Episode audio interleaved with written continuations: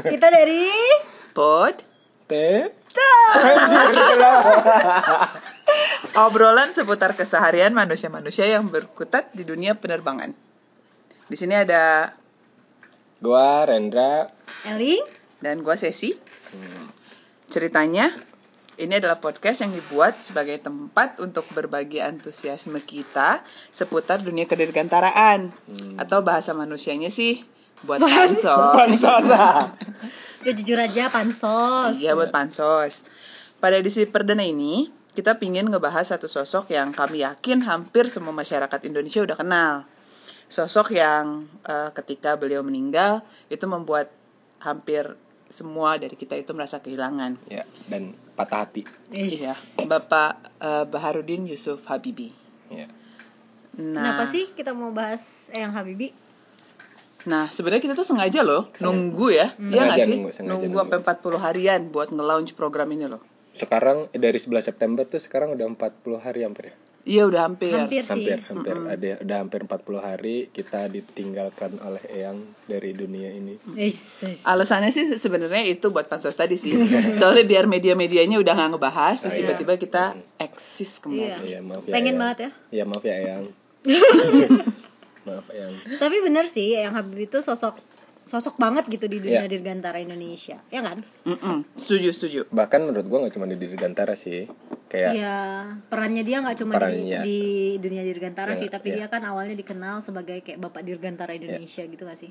Tapi gua yakin kita semua setuju kalau kepergian Eyang adalah kepergian apa ya yang paling bikin se Indonesia sedih bahkan seluruh dunia lah ya. Maksudnya nggak cuman nggak cuman di Indonesia Mm-mm. kan Setuju. Eyang. Ya.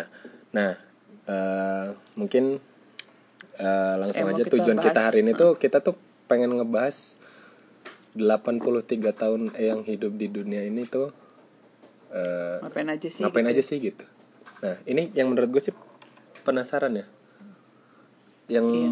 yang menurut yang menurut gue akan bikin orang eh, gue nggak tahu sih apakah apakah eh, 83 tahun Eyang ini seperti 83 tahun usia orang-orang pada umumnya atau enggak tapi kita lihat kita akan membahas itu Jadi kita flashback ke tahun 1936.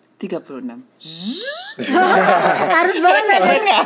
ada ada backsound alainya. Oke. Jadi di tahun 1936. Ngap, kenapa nih Kak ditahan di tahun Ya. segitu?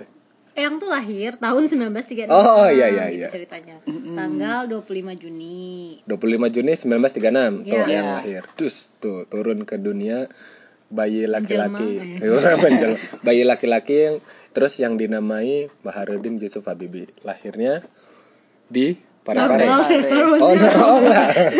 Enggak Lahirnya kayaknya sih iya di di Parepare. Ya, di Parepare, Parepare, di Parepare Selatan. Sulawesi Selatan. Nah, eh, singkat cerita usia apa informasinya di SD apa waktu SD yang tuh sekolahnya di SD Negeri 4 Parepare Sulawesi Selatan. Kemudian tuh empat apa sekolah SD dulu 7 tahun 6 tahun lah ya sama Masih Tujuh kuliah. tahun dulu ya, tujuh tahun. Nggak naik kelas hampir dulu pernah enggak. Nah, dari kemudian SMP-nya ternyata yang tuh SMP-nya di Bandung, guys. Wih, satu alma mater sama gue tuh. Wah, sombong. Oh, anak SMP 5 ya? Eh, Oh iya. Ini Eyang kuliah di SMP 5 Bandang, kemudian lanjut di SMA Kristen Dago. Uyo, idi. Dan di situ yang perlu di highlight adalah pertama kalinya ketemu Ibu Ainun. Oh, iya, penting. Oh, ini cinta SMA berarti Iya, iya. ya. Enggak sih, enggak. Nanti ada Belum ceritanya. tahu, belum Oh, tahu. belum, Katanya oh, belum tahu. SMA tuh enggak ada cinta-cintaan Belum gitu tahu. Oh, jangan-jangan Belum nggak kenal ya? Eyang mah Tahu kayaknya lah. SMA mah belajar mulu jadi nggak Iya, mikir cinta-cintaan kayaknya ya. Iya. Ya. Dia belajar. Ceritanya tuh kayak kalau nggak salah ya, jadi dia pindah ke Bandung setelah ayahnya meninggal gitu, umur 13 tahun gitu. Jadi sekeluarga pindah ke Bandung, makanya dia pindah sekolah dari Parepare SD terus SMP-nya ke Bandung gitu. Oke. Oh. Jadi dari jadi SD di Parepare, SMP SMA di Bandung. Ya, Nah, gitu. Terus berjalanlah waktu sampai 1954 dari SD SMP SMA beliau itu masuk ITB. Yo, ITB keren banget.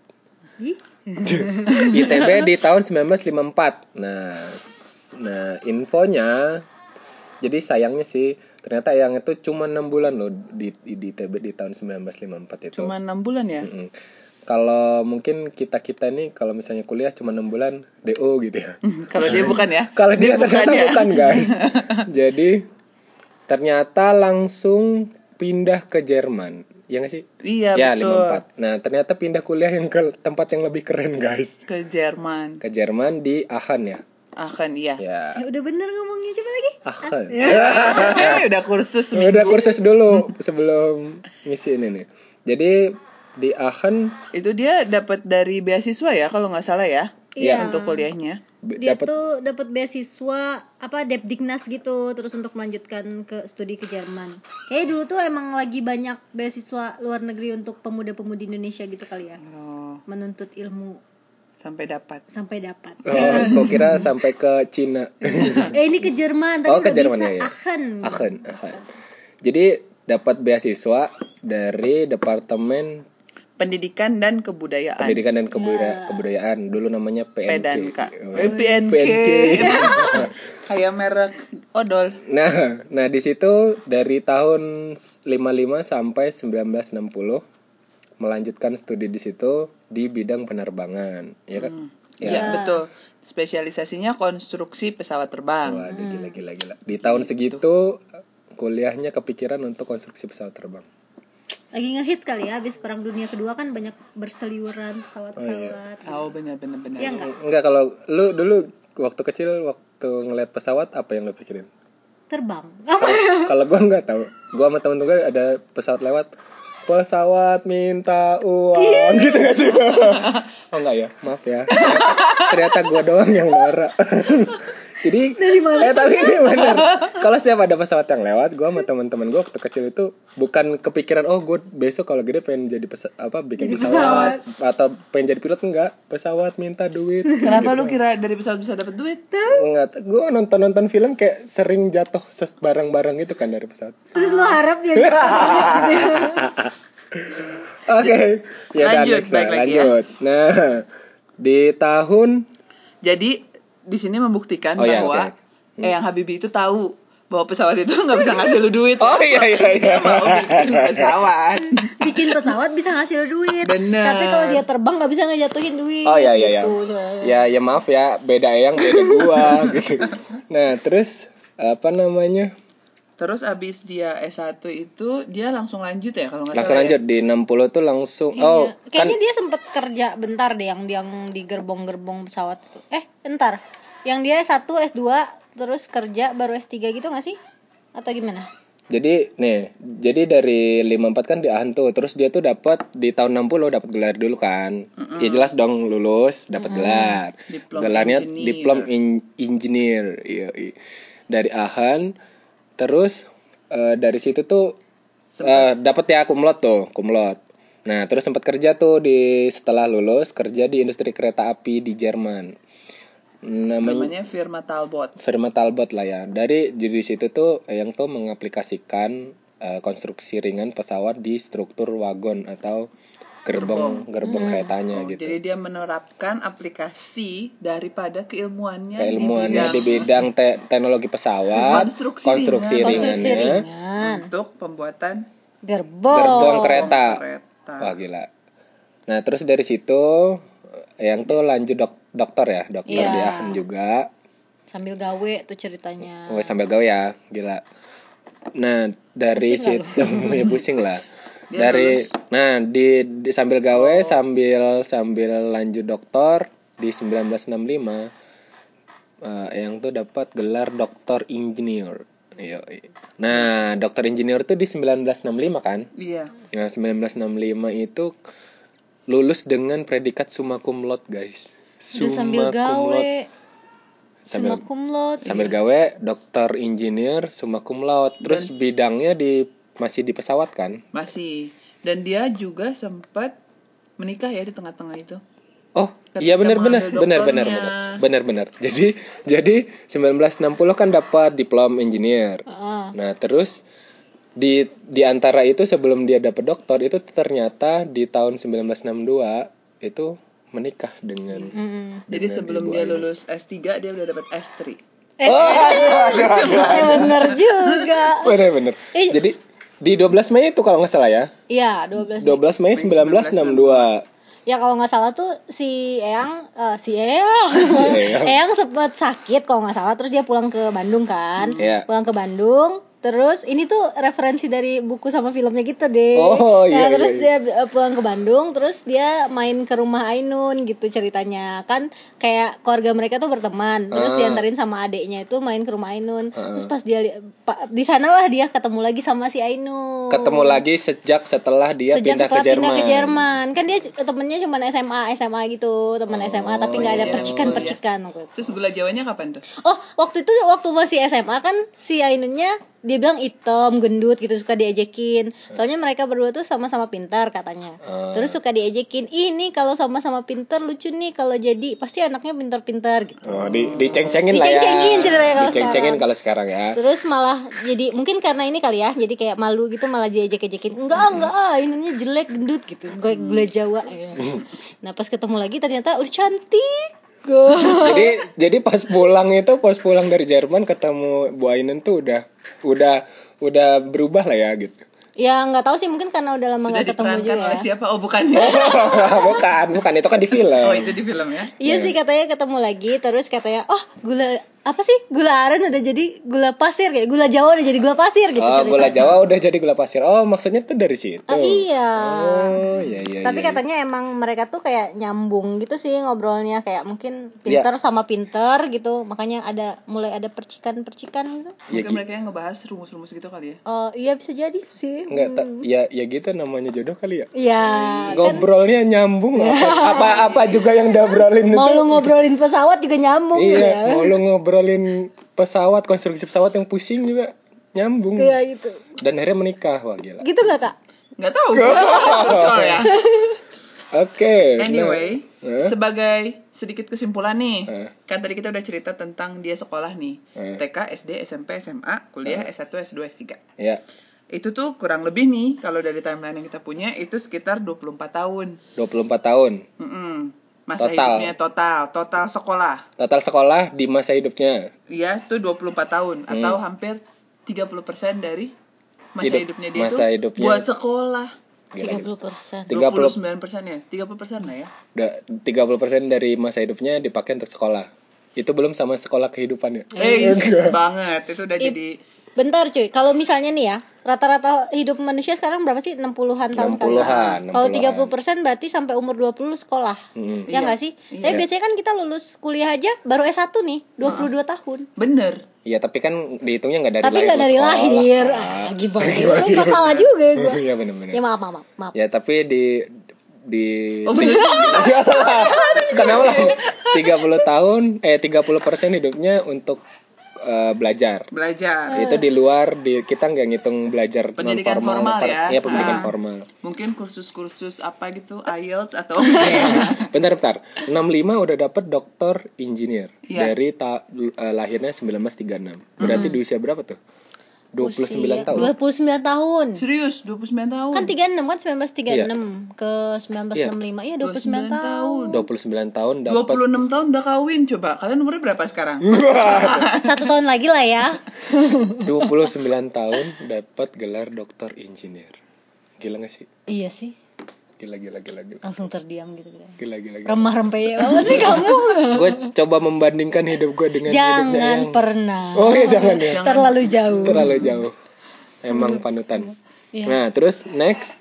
Jadi Habis da- dia lulus, Iya, udah habis lulus, dapat semua kumlot kan, dapat dokter tuh.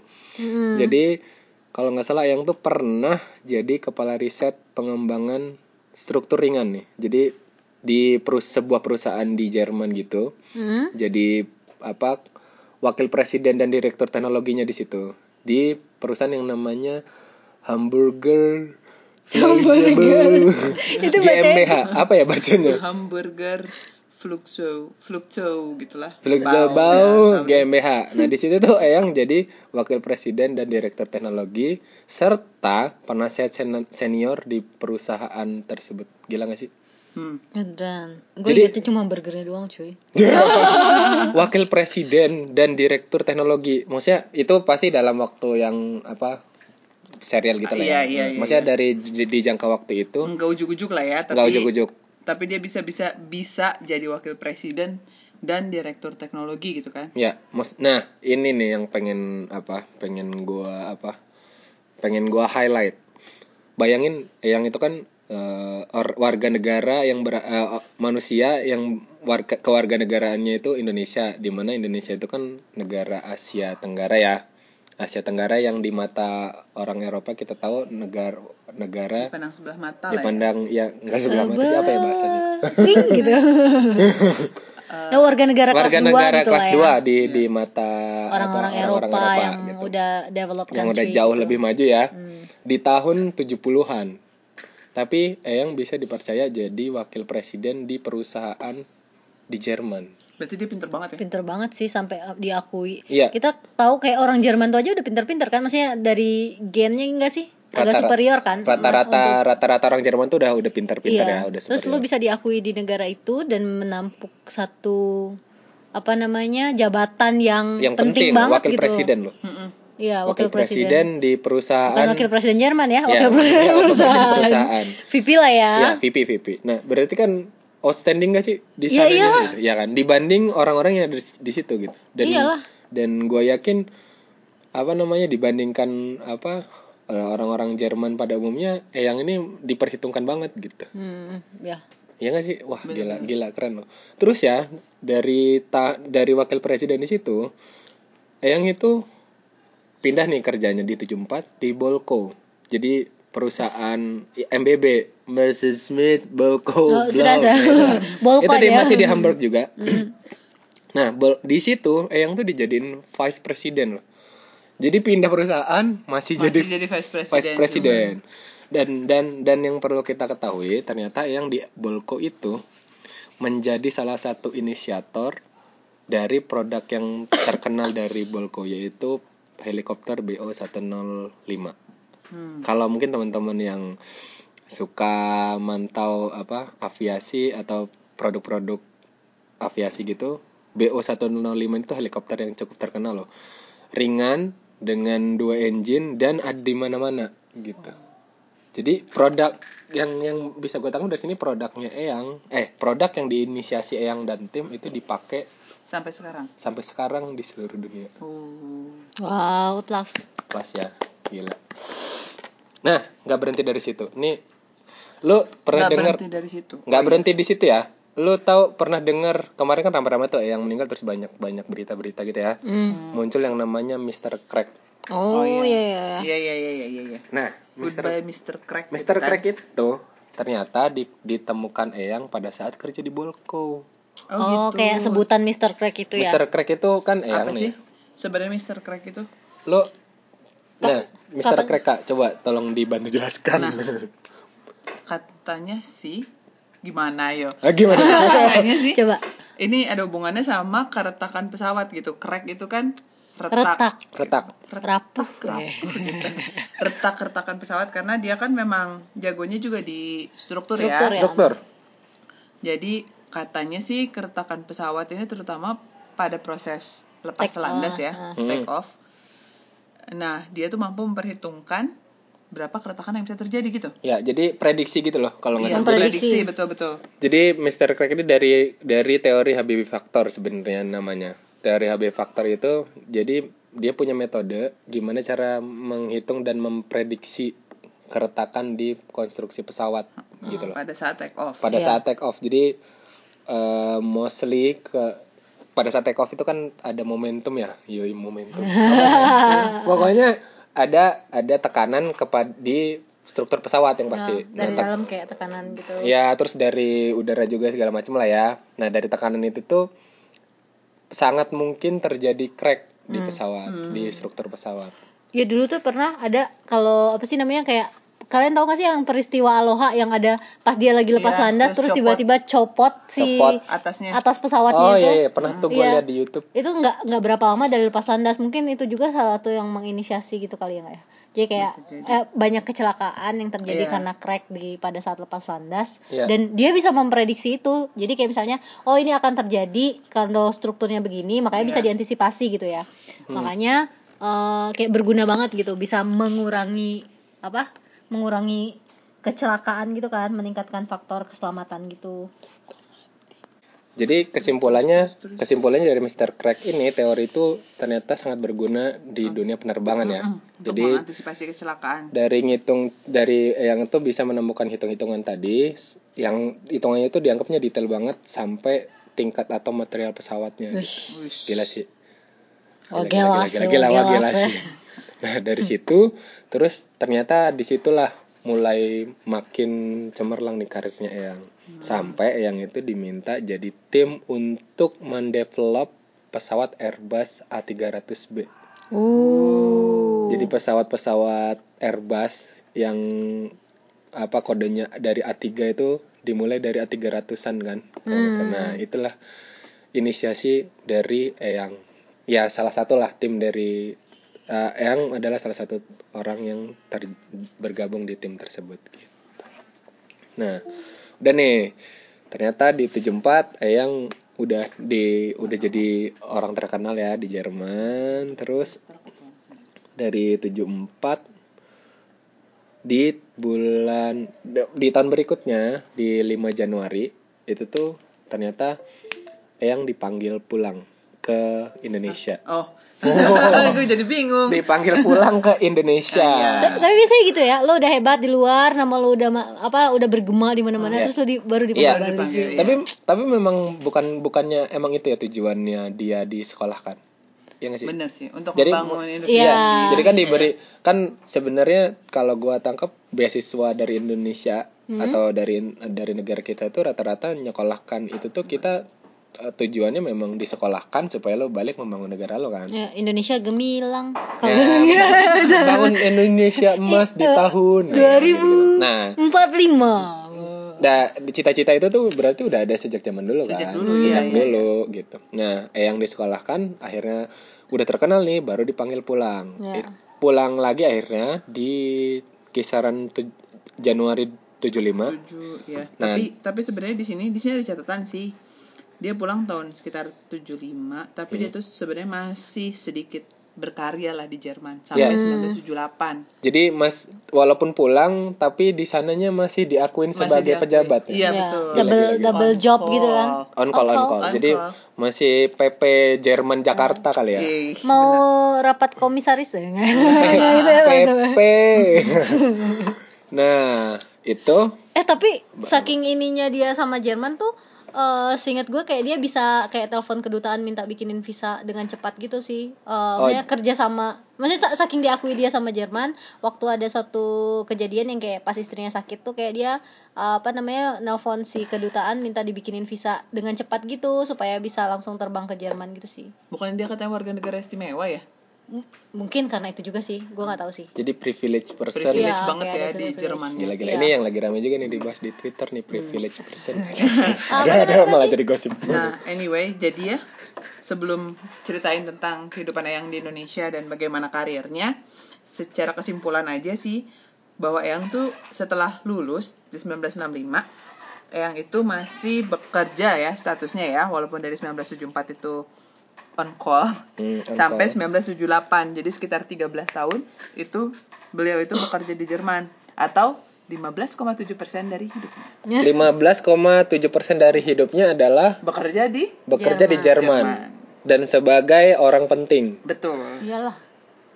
Ya ampun, gila. Udah udah udah. udah. Makin meratapi nasib gue membandingkan diri gue dengan yang keren banget gila. 15,7 persen. Berarti udah plus 30 persen tadi ya. Sekitaran Udah 45 persen. iya, nah benar. kita punya 55 sekian persen sisanya untuk dibahas. Sip. Oke. Nah, lanjut 75 Januari yang tuh dipanggil ceritanya nih. Dipanggil pulang ke Indonesia sama presiden untuk menjadi asisten khusus CEO Pertamina. Oh, loh, kok pertama- Pertamina sih? Oh iya, per- ya kan dulu awal-awal kan BUMN BUMN yang lagi apa yang ngehits di tahun segitu kan memang Pertamina dan bisnisnya lagi bagus-bagusnya tuh.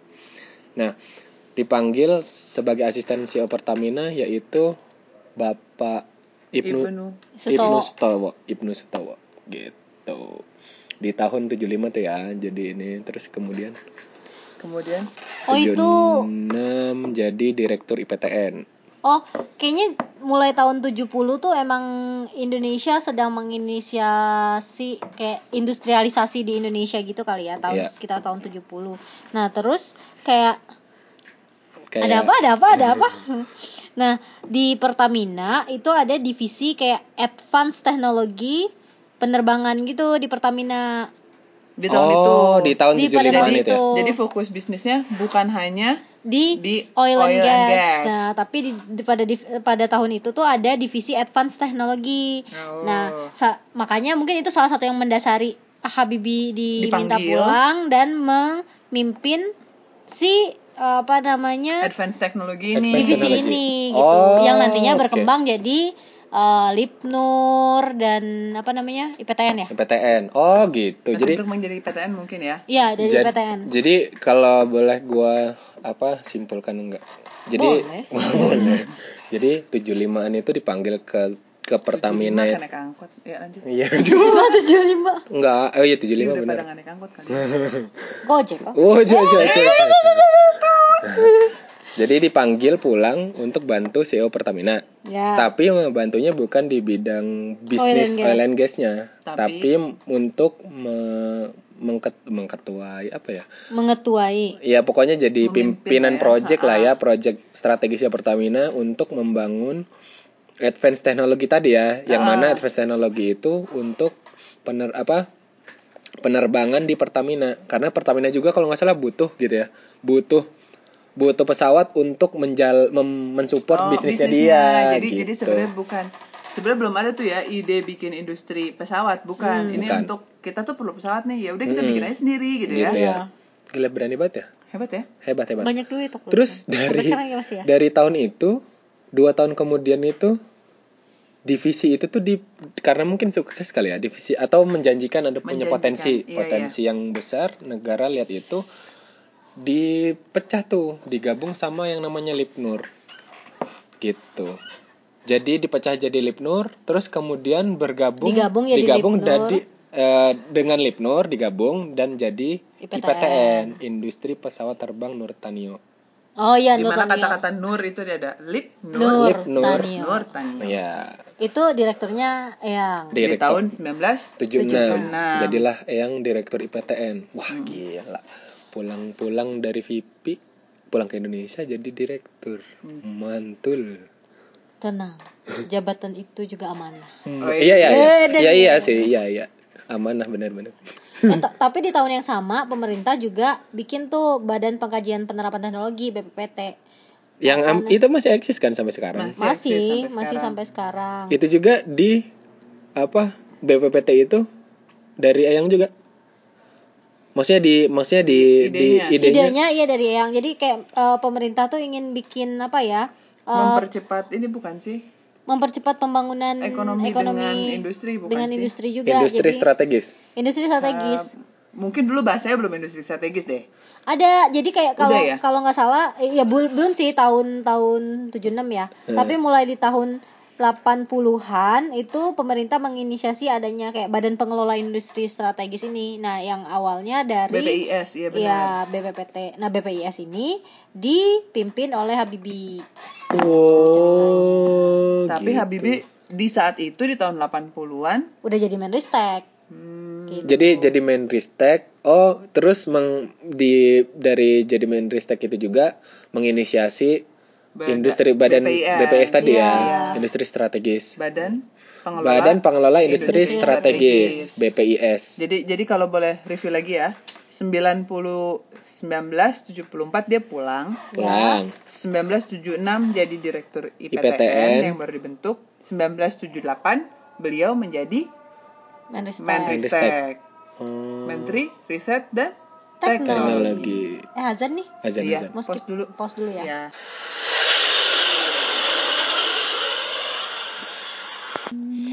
Ya, kita balik lagi. Alhamdulillah beres maghrib. yes. Oke, tadi kita sampai di tahun 78 Eyang eh, jadi Menristek tuh ya. Kita Ranton itu jadi Menristek. Nah, di tahun itu Eyang eh, memimpin apa Kementerian Ris- Riset dan Teknologi sampai pokoknya kalau nggak salah 20-an tahun ya 20-an tahun itu tuh sampai 998 98 ya. ya jadi Menristek terus tuh 20 tahun keren gak tuh 20 tahun ya. 20 tahun Iya.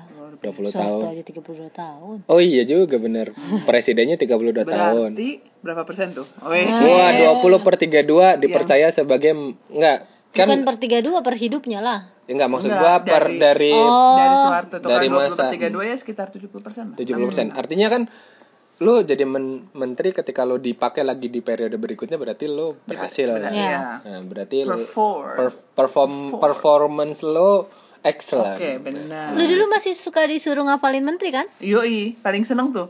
Kalau ditanya siapa Menristek, gampang banget ya, Be. Pokoknya pasti BJ Habibie. BJ Habibie. Dan Udah nggak ganti-ganti gitu ya. dan yang gua gua sempat denger dulu tuh Habibie itu udah kayak cita-cita orang gitu loh. Jadi cita-cita lu apa? Jadi bukan jadi menristek tapi pengen jadi Habibie. Iya sih itu kalau dulu gue ditanya bokap gue kayak misalnya mau jadi apa? Jadi BJ Habibie gitu. Terus kata bokap gue jadi insinyur kali enggak jadi BJ Habibie gitu. Jadi kayak manusianya gitu. Jadi BJ Habibie itu ikon udah pintar pi- ikon pintar lu tuh kayak BJ Habibie gitu Jadi BJ Habibie itu udah kayak kata sifat. Iya Iya. BJ Habibie banget sih lo. Iya, gila-gila. Gua bangga banget kalau digituin. you wish Mungkin kita bisa mulai tuh kayak Ih, Ling, jangan gitu dong. Rendra banget sih. nah, sifat. Nggak tahu gue kata sifat aja Kata pokoknya. sifat. Oh, kalau sifatnya Nah. sifat gue apa yang baik-baik Nah, terus di eh, pokoknya di, di tahun di tahun-tahun beliau jadi apa? Jadi kem- orang penting di kem- di pemerintahan itu, jadi menteri dari jadi apa segala macam pimpinan tadi. Beliau itu bersama apa pimpinan-pimpinan negeri saat itu lah ya membangun yang lewat BPS tadi loh yang apa Badan Pengelola Industri Strategis itu tuh menginisiasi ternyata nggak cuman IPTN Hmm. jadi industri kan industri peng- eh, Badan Pengelola Industri Strategis. Industri strategis itu kan nggak cuman penerbangan ya? Ya Jadi- apa aja tuh? ada perkapalan yaitu dibentuklah PT PAL Hmm. ya kan? Terus ada tempat apa pengelolaan senjata dan pertahanan senjata darat. Senjata darat PT Pindad ya. PT Pindad. Nah terus industri baja atau material itu di Dulu Krakatau Krakatau Steel. Steel sampai sekarang masih ada Masih tuh. ada ya? terus bahan peledak PT itu Dahana. PT Dahana. Ya masih ada juga tuh. Masih dulu ada. Perum Dahana terus sekarang jadi PT Oh iya. ada. Terus alat berat Barata Indonesia. PT Barata Indonesia sampai sekarang masih ada. Garbarata dari situ nggak? Nggak ya? Enggak enggak lu apaan sih? Cut. Salah. terus kemudian bidang permesinan Boma Bisma Indra. Indra, itu masih ada, ada iya. sampai sekarang. Terus bidang industri perkereta apian Coba Oh, tebak iya. apa apa apa apa. KAI yeah. Ntar dulu namanya Inka. oh iya gue kan anak zaman sekarang eh beda Eh, beda ya? beda lu eh Industri salah kereta api bener. enggak oh Inka, Inka tuh itu yang bikin yang Yang bikin. bikin, iya, bener, bener, bener, bener. bisnis operasinya oleh PT KAI. KAI. Eh, sekolah di mana sih lu? tahu Terus ada lagi. Masih ada lagi nih. PT Inti yang bergerak di bidang telekomunikasi sampai sekarang masih ada. oh yang dulu bikin telepon ya Wah, ya, terus yang kemarin habis OTT. eh Terus ada PT LEN untuk Oh, ya. mem- mem- mengembangkan elektronika. mhm. Gila gila.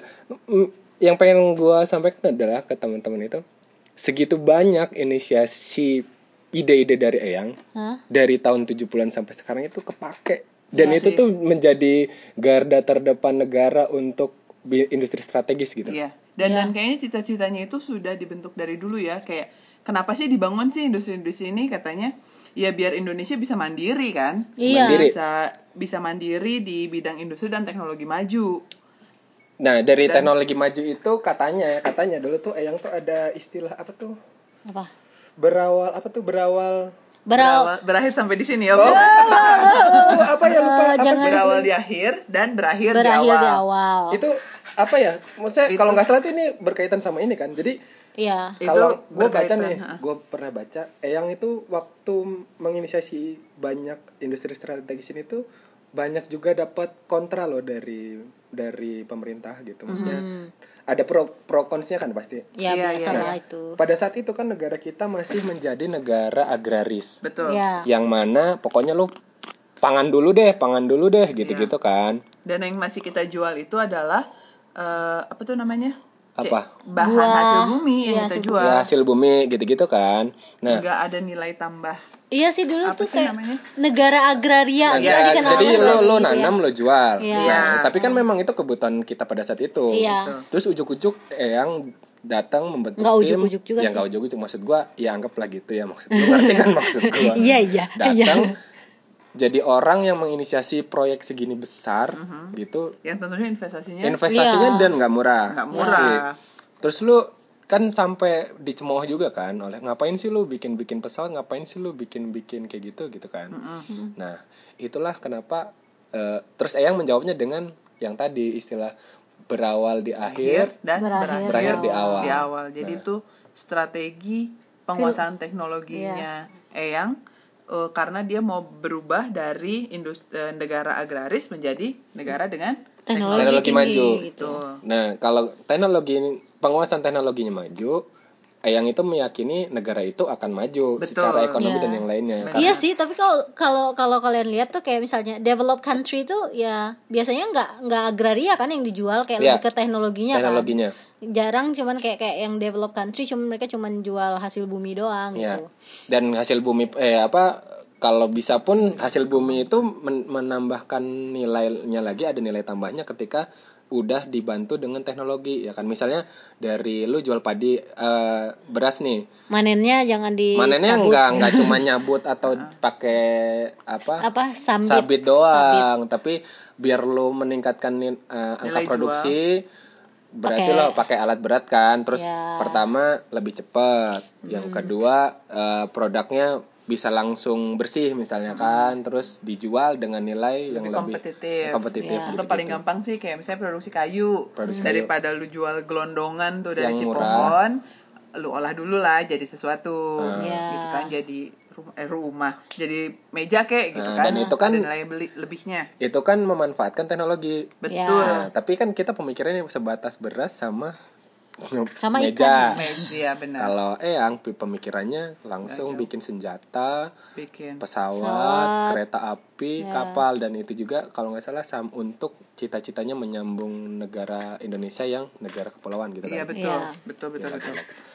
Gila, pemikirannya visi. holistik banget ya. Iya, benar benar benar. Visi bikin industri penerbangan juga karena kita negara kepulauan kan tadi kayak Iya. transportasi yang paling apa comfort comfortable itu kan maksudnya untuk menghubungkan antar pulau ya darat text time lah ya Jadi yang Dan paling sulit, nggak mungkin kan lo bisa motor nyeberangin Iya. selat Sunda gitu kan tidak bisa. lama cuy harus bikin jembatan Iya, terus kalau kapal relatif butuh space Waktu kan, lebih juga. waktunya lebih lama Iya. gitu-gitu. dan juga belum tentu ombaknya mendukung gitu kan Ya, akhirnya ide keluar kap. Nah, ngomongin soal kapal, eh kapal, Pesawat. pesawat. Nah, di ta- tahun 95 tuh Eyang itu memimpin proyek besar yang namanya N250 Gatot Koco.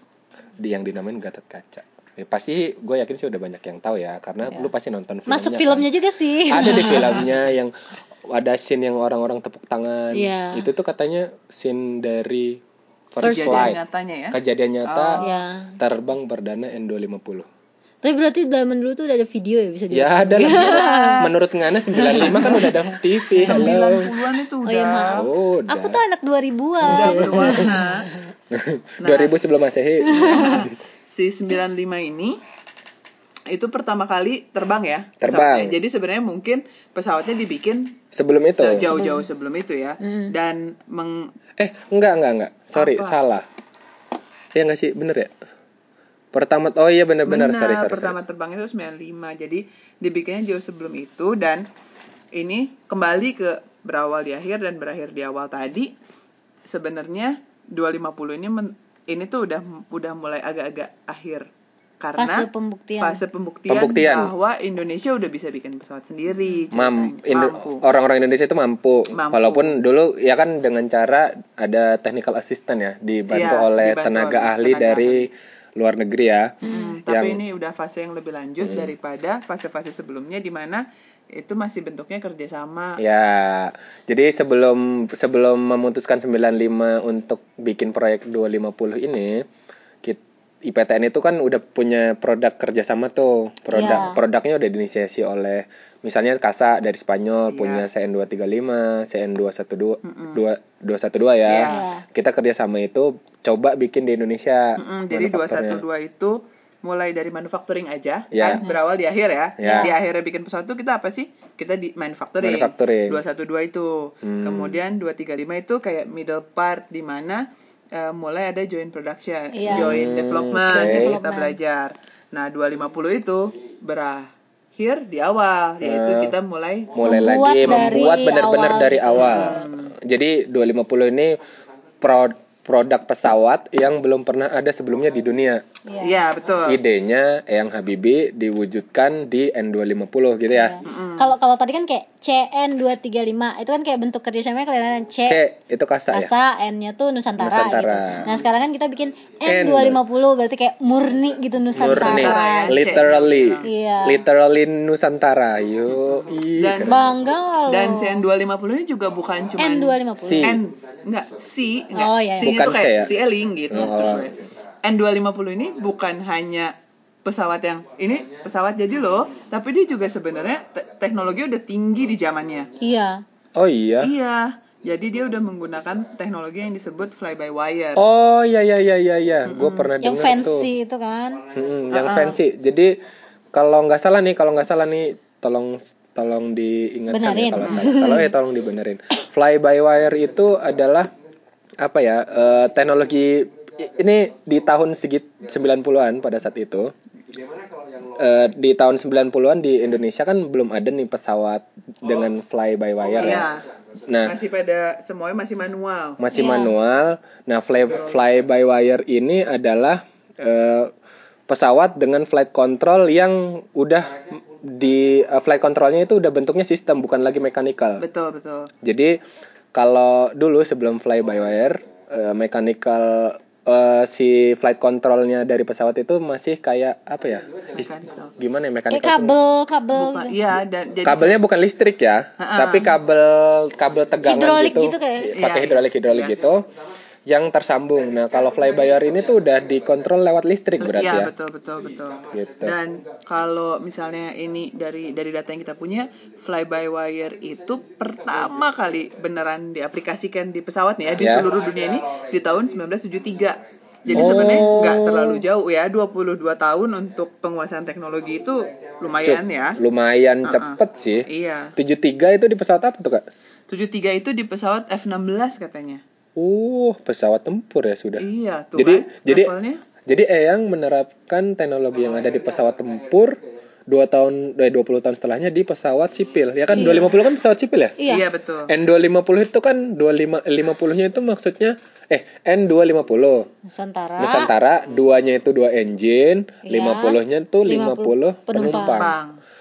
Oh. Tapi jadinya kayak teknologinya dipakai di pesawat-pesawat selanjutnya gitu, nggak cuman apa ya? Karena tadi di N250 terus banyak eh, pesawat lain yang komersil juga pakai teknologi fly by wire ini, mulai dari Airbus A320 juga ikut mencip apa menggunakan, sistem lagi lagi happening lah ya lagi Iya, lagi lagi hype happening. hype hype hype tapi hype. artinya eh, pada saat itu tuh Eyang udah udah udah melihat tren ke arah situ dan Oh. udah mulai Jadi mempergunakannya kan mengaplikasikannya. jadi di kalau kalau gua bayangkan Eyang di tahun segitu yang mana fly by wire itu belum nge-hype, Eyang itu salah satu influencer. Iya kan sih? bisa jadi ya Eyang itu salah satu influencer uh, untuk or personil di dunia penerbangan untuk menerapkan fly by wire dengan cara nyontohinnya di 250 gitu. Dan 250 itu kan udah udah sempat terbang ke mana-mana loh kalau nggak salah ya. Iya, iya, udah iya. sampai ke Sampai ke- Perancis. Mm. Udah Paris di Pa- Air Show Paris ya? Air Show, Air Show loh. Paris Air Show tuh apa Airso yang udah apa ya mendunia loh maksudnya itu semua bergengsi banget sih, bergengsi Paris Air banget Show. gitu Sampai terus sekarang juga. kalau nggak salah juga udah pernah apa ke Itali dari apa eh, teman-teman apa info-info dari teman-teman jadi 250 itu udah ke Eropa untuk melakukan uji terbang. Dan total uji terbangnya itu 900 jam. Di total total ya? Di total total lah itu. 900 jam terbang gila-gila. Udah berhasil tapi sayangnya sayangnya nih sayangnya N250 ini tidak berhasil memenuhi sertifikasinya Tuh. gitu. Dan alasannya sih ngalahin dan nggak bukan waktu itu di tahun 98 kita punya Krisis. krisis Oh iya iya iya. Gue jadi Ekonomi. inget. 98 Gua sih tapi gue belum lahir ya. inget-inget apa-apa ya. Gue udah lahir. Lu jangan ngaku-ngaku belum lahir lu. Gue udah lahir tapi mungkin gue nggak tahu apa-apa. Gue dulu juga tempat di maksudnya lu inget nggak dulu di 98 terjadi hal-hal ini yang nggak tahu kan gue 98 masih anak-anak yang masih Bukannya udah dewasa? Wah belum. Ikut demo kenapa itu? gue masih mikirin hal-hal yang nggak yang happy happy doang gitu kayaknya. Oh jadi itu ya. Jadi 98 apa 250 itu Krismon.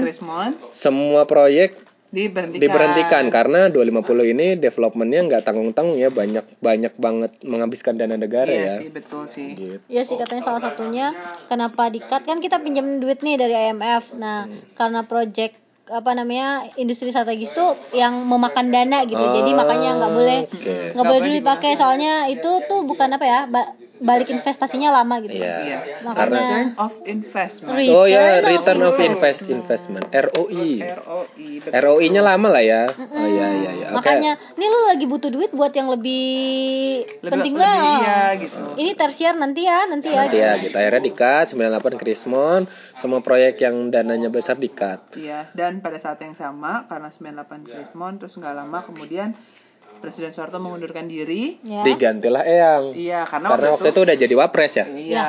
Jadi wapres terus jadi presiden gila gila gila. gila. Iya di awal tahun dia eh, bulan-bulan Maret gitu tahun 98 dia kan jadi wapres nih. Ya, Nah, 14 terus 14 Maret. 14 Maret jadi wapres, kemudian setelah eh, Presiden Soeharto mengundurkan diri di bulan Mei dia di- diangkat untuk Otomatis. secara presiden untuk menggantikan Presiden Soeharto. Jadi dia adalah Presiden Indonesia yang ketiga ya. Ya, Ketiga. yang ketiga. Yang ketiga. 21 Mei 1998 sampai 20 Oktober 1999 itu masa jabatan Eyang sebagai Presiden Indonesia yang ketiga. Itu total-total Satu, Ada satu? tahun, tujuh bulan, sembilan hari, Ya. atau 1,6 persen dari hidup. 1,6 persen pernah Jadi jadi, presiden, presiden. ya. Pernah jadi- Walaupun masa jabatan terpendek tapi dia pernah jadi presiden Indonesia. Tapi yang yang menarik ya sebenarnya menurut saya tuh bukan ketika dia menjadi presiden ya, Ya. tapi selama masa dia waktu menjadi uh, Menristek kan dia tuh menginisiasi banyak hal ya. Ya, Termasuk tadi dia bikin BPPT ya, dan dia jadi kepala BPPT. ya.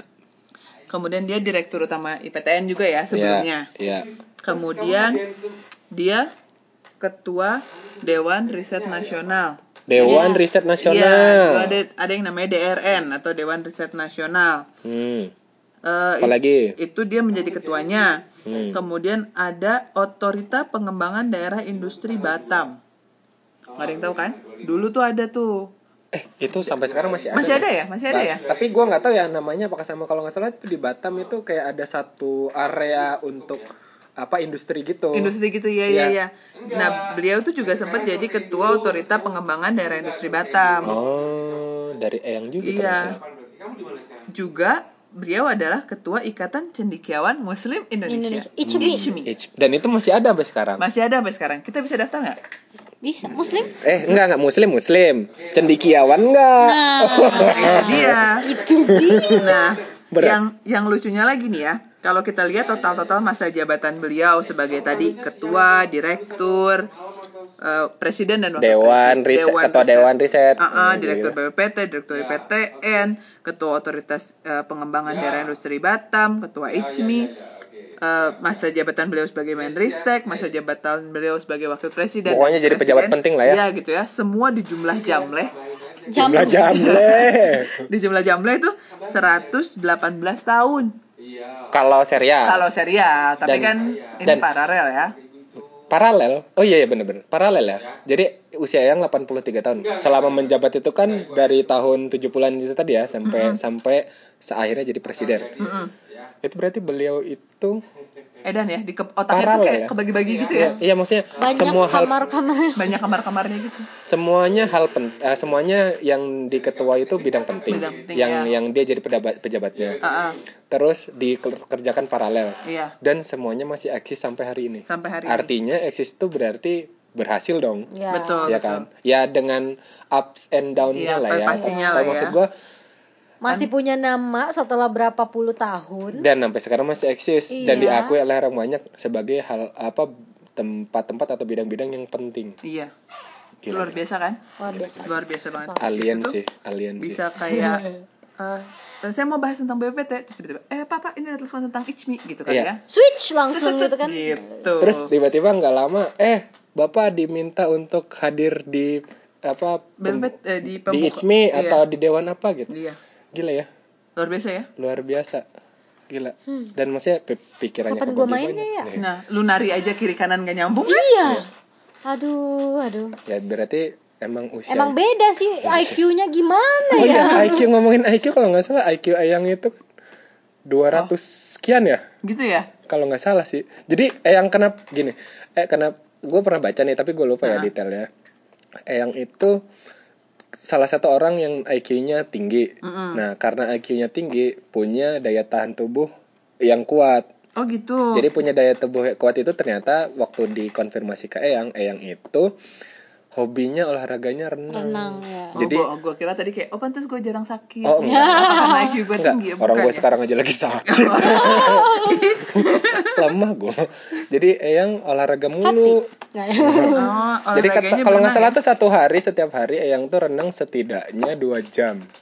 Oh, Baik dalam satu waktu yang sama atau ya maksudnya pagi, atau sore. sejam terus Hmm. sore sejam. Sampai sampai yang sebelum meninggal tuh setiap hari tuh Masih? masih renang loh. Oh luar Oke, biasa. ya. berarti besok gua harus booking tiket langsung diving gitu ya. Kayak lo kayak gue cibang-cibung doang gitu. Iya. Kayak- Enggak lu renang juga. Nggak dihitung itu kak? Enggak, kalau lo renangnya sekarang IQ lo nggak akan bertambah. Emang kalau renang naikin IQ? ya enggak sih, tapi maksud gua mungkin mungkin kalau di dalam tubuh yang sehat terdapat Dapat jiwa yang kuat. Mensana. In corpore Incorpore sano. Ais. Jiwa lu kuat nggak? Enggak, enggak. Udah skip skip. Jangan bahas. Anyway, eh ya udah di tahun 2019 11 September eh Eyang Habibi wafat meninggalkan, meninggalkan kita semua. semua 9 tahun setelah eh Uti Ainun. Ainun. Uti. Kan Eh, Eyang Uti, Iya, yang putri ya. yang putri. Ibu Yang- Ainun meninggal dunia. dan da- ya di situlah berarti kita sebagai generasi penerusnya terus sebagai warga negara kehilangan sosok yang penting yang sampai apa eh, sampai generasi sekarang itu tuh masih mengidolakan Eyang gitu loh karena sempat ngeliat filmnya sempat Iya. baca bukunya mungkin ya Betul, betul. terus sering muncul di apa sering muncul di media gitu Iya. Tapi itu tadi ya tentang bukunya ya. Hmm. Maksudnya menarik juga kan? Kan katanya Eyang tuh setelah ditinggalkan oleh em, eh, yang putri, yang putri itu kayaknya sedih-sedih banget kan? Sedih banget. Down banget. Dan ya memang karena orang pinter ya. Ya untuk mengatasi daunnya dia nulis Nulis. nulis aja bukan gitu. galau Bukan galau. bukan Bukan ngopi-ngopi gitu kan? bukan ngopi-ngopi doang gitu Tidak terjatuh terhadap terhadap curam anon sih gue. tapi tapi ini loh katanya kan jadi dia tuh sempet down gitu kak jadi sempet ninggal si apa yang Ainun itu dia Eyang Putri. Eyang Putri. Dia dia Eyang Putri. Yang Uti yang dia Uti. masih tiap hari itu datang ke pemakamannya Iya, dia iya, katanya. gitu. Sampai eh, setelah selama berapa lama gitu selama setahun lupa gua. Nah tapi itu disarankan sama psikolognya gitu atau psikiater ya? Ya pokoknya Ya, dokter itulah, pribadinya lah dokter ya. pribadinya dia. Dia harus eh, menumpahkan itu gitu Oh. supaya dia nggak stres karena dia kayak beneran merasa kehilangan makanya salah satu caranya adalah dia nulis buku, Dia nulis buku, gitu ya. karena kan dulu sam- dia di waktu dipanggil sama Kak Nana wih mata Najwa Oh, oke. Kak Nana gue taunya ini soalnya yang tralala trila. Oh, bukan waktu dipanggil kan Aduh gue nonton tuh videonya sampai semua orang di di situ tuh ya gue yakin yang nonton juga diem gitu. Hmm. Eyang itu bilang kalau nggak salah Eyang itu sempet mau udah gue mati aja, gue udah nggak ada lagi tujuan hidup gue di dunia karena wak- karena tujuan hidup gue itu Ainun gitu. Iya. Tapi beneran loh kata dia eh, apa sih? Ya kalau nggak salah di matanya Najwa itu juga sih yang bilang kalau misalnya eh, dia tetap kayak gini, yang itu bisa menyusul eh, apa namanya Ibu Ainun. Ibu Ainun dalam waktu tiga bulan kayak ada masalah psikosimetris Ya. itu dari di di apa Set. bayinya baby. Hmm. Karena beneran kayak mereka tuh kan soulmate, Soulmate. banget Soulmate. kan. Sampai kan waktu Eyang yang Uti yang Uti meninggal Eyang Habibi kan langsung kapling itunya kuburannya langsung di sebelah. Oh gitu. kan yang bilang "Bu- Ainun boleh di boleh dimakamkan di apa kan pemakamannya khusus kan yang Ha-ha. di TMP Kalibata itu Mm-mm. Taman Makam Pahlawan boleh lu naruh di situ tapi asalkan di sebelahnya nanti gua Cup gitu ya. Cup. Cup. nggak boleh ada orang lain kalau lu mau kalau lu mau naruh di situ tapi kalau nggak ya jangan karena Nah. gua sampai begitu nanti gua mati gua mau di sebelahnya Ainun gila kau di lubang yang satu, ku di, Ku di sebelahmu. kok jadi gitu Lagunya Anyway. apa sih dulu? Bukan itu ya? bukan ayang mah belum ada lagu ada. itu Tapi tapi ini moral of the story ya buat Iya. gue ya adalah behind a great man there's always be a great woman sih. iya iya itu pasti sih Makanya pasti di supportive Potatoes ini perlu dua cewek Iya. biar jadi great banget. Oh. Bukan ya? Great Man Show gitu kan? Enggak emang ceweknya pengen pansos aja. ya gitu Dia lah. aja kagak ada yang mau lagi nemenin lu, Ren. Jadi gitu. Ya menurut gua pokoknya banyak banget lah dan gue yakin sih uh, masih banyak kebaikan-kebaikan yang yang lain yang apa beda orang akan punya beda sudut pandang tapi itulah yang pengen pengen kita sampaikan, sampaikan, ya kayak ya. jadi banyak banyak banget hal yang bisa kita contoh dari 83 tahun kayaknya 83 tahun full 100% itu yang itu berguna banget. Berguna banget hidupnya. bukan cuman buat dirinya tapi untuk Iya, negara nggak scroll scroll Twitter doang gitu, Nyinyir orang. ngepo ngepo Instagram, gitu ya. Enggak sambat sini sambat sana ya. Iya. Oh, nggak sempet. Coba lu cek aja 24 jam lu habis berapa waktu Buat di sosial media. sosial media. kan udah ada met- meterannya tuh. Benar-benar. Ini potatoes berguna nggak? Ya, gitu. Kayaknya cukup ya? Cukup iya, ya? kayaknya cukup. Cukup. Nah, Disclaimer dong, disclaimer. Ini opini ya. Ya, ini Jadi, semua. oh ya, sekali lagi misalnya- opini. Kalau misalnya lu menemukan kalimat-kalimat yang kurang berkenan atau ada sesuatu yang kurang tepat, bisa diingatkan, ya kan? Iya. Diingatkan bisa komen Karena atau manusia itu tempatnya salah. Karena manusia tempatnya salah. Juga dengan kamu. dan dosa. Terus kalau memang merasa merasa konten ini bermanfaat atau apa bikin Tolonglah happy, bantu kita tolong bantu pansos. kita Iya, benar, benar, benar. pansos supaya kita semangat bikin next konten ya. Iya benar-benar terus juga kalau ada ide-ide lah ya mau next kontennya apa Boleh. boleh Ke mana tapi? Ke sini nggak ada ya Kalian Nggak ada, belum nggak ada. kalau misalnya ada yang komen, enggak, nggak usah bikin Enggak, lagi. enggak. Kalau mau komen begitu nanti gua report lu. gua blok enggak, enggak, enggak bercanda. Apa pun boleh kita sampaikan, boleh ke email hi hi.potatoes@gmail.com atau eh, bisa juga ke ini ke Twitter Dan Instagram kita ya. dan Instagram di potatoes P O D T A T O E S. Iya. Betul. potatoes oh, Oh, sorry ulangi, ulang ulangi. ulang ya pot T Oke. ya anyway ya ini tuh sebenarnya juga salah satu bentuk untuk membuat em, obrolan-obrolan nggak penting kita ini siapa tahu berguna buat yang lain ya Iya, iya orang berjalan nggak penting mah nggak berguna. Oh iya, eh, siapa tahu Oh iya, iya. kita Eh, kalau bisa jadi menghibur. iya benar, bisa jadi seujung-ujung kukunya hidupnya Habibi lah. Boleh, boleh. 0,00 persen gitu Oke. ya. Siap, cukup Oke. sampai di sini ya teman-teman. Terima Ya. kasih. Bye. Bye bye.